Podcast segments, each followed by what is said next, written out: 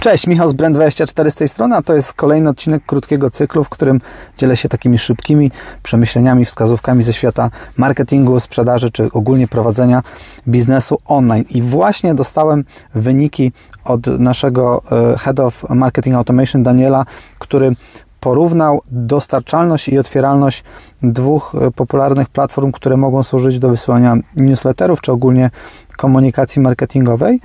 I Intercom który jest naszym narzędziem, powiedzmy, marketing automation, ale wysyłaliśmy również z niego newslettery, dał około 20% e, otwieralność, czyli open rate. Natomiast get response, który sobie w ramach tego testu zderzyliśmy z tymi wynikami z Intercoma, dał 30-35% otwieralność, więc bardzo istotnie e, wyższą.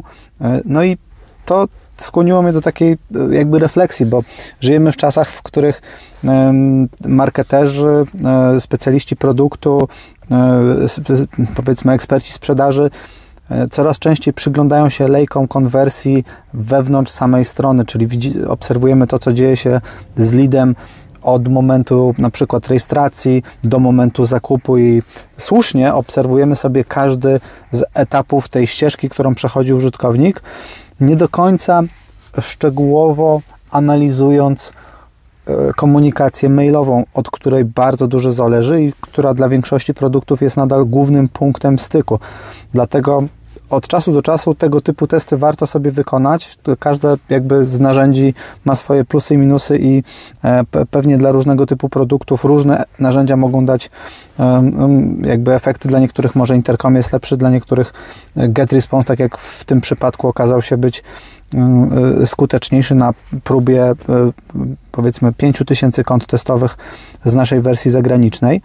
E, I e, to jest takie właśnie przemyślenie, że my wszyscy spinamy się mocno, żeby e, optymalizować te konwersje mm, na stronie i słusznie, bo sam do tego bardzo mocno zawsze zachęcam, no ale kluczem jest też, żeby jednak komunikować bardzo mocno i, i jakby pilotować tą komunikację mailową, bo od niej bardzo dużo zależy. Powiedzmy, no w tym przypadku otwieralność maili, różnica między 20 a 35% no jest drastyczna, więc nagle jakby zaangażowanie tych lidów, które macie w lejku drastycznie się podnosi i dzięki temu mogą, mogą e, czy jakby e, rośnie szansa na sprzedaż. Jakiś czas temu polecałem takie narzędzie Send Forensics, my do dziś go używamy od tamtej rekomendacji i ono też bardzo fajnie pomaga oceniać dostarczalność, oceniać jakość maili, jakość serwerów, których, które stosujecie w wysyłce mailowej, e, więc e, to też jakby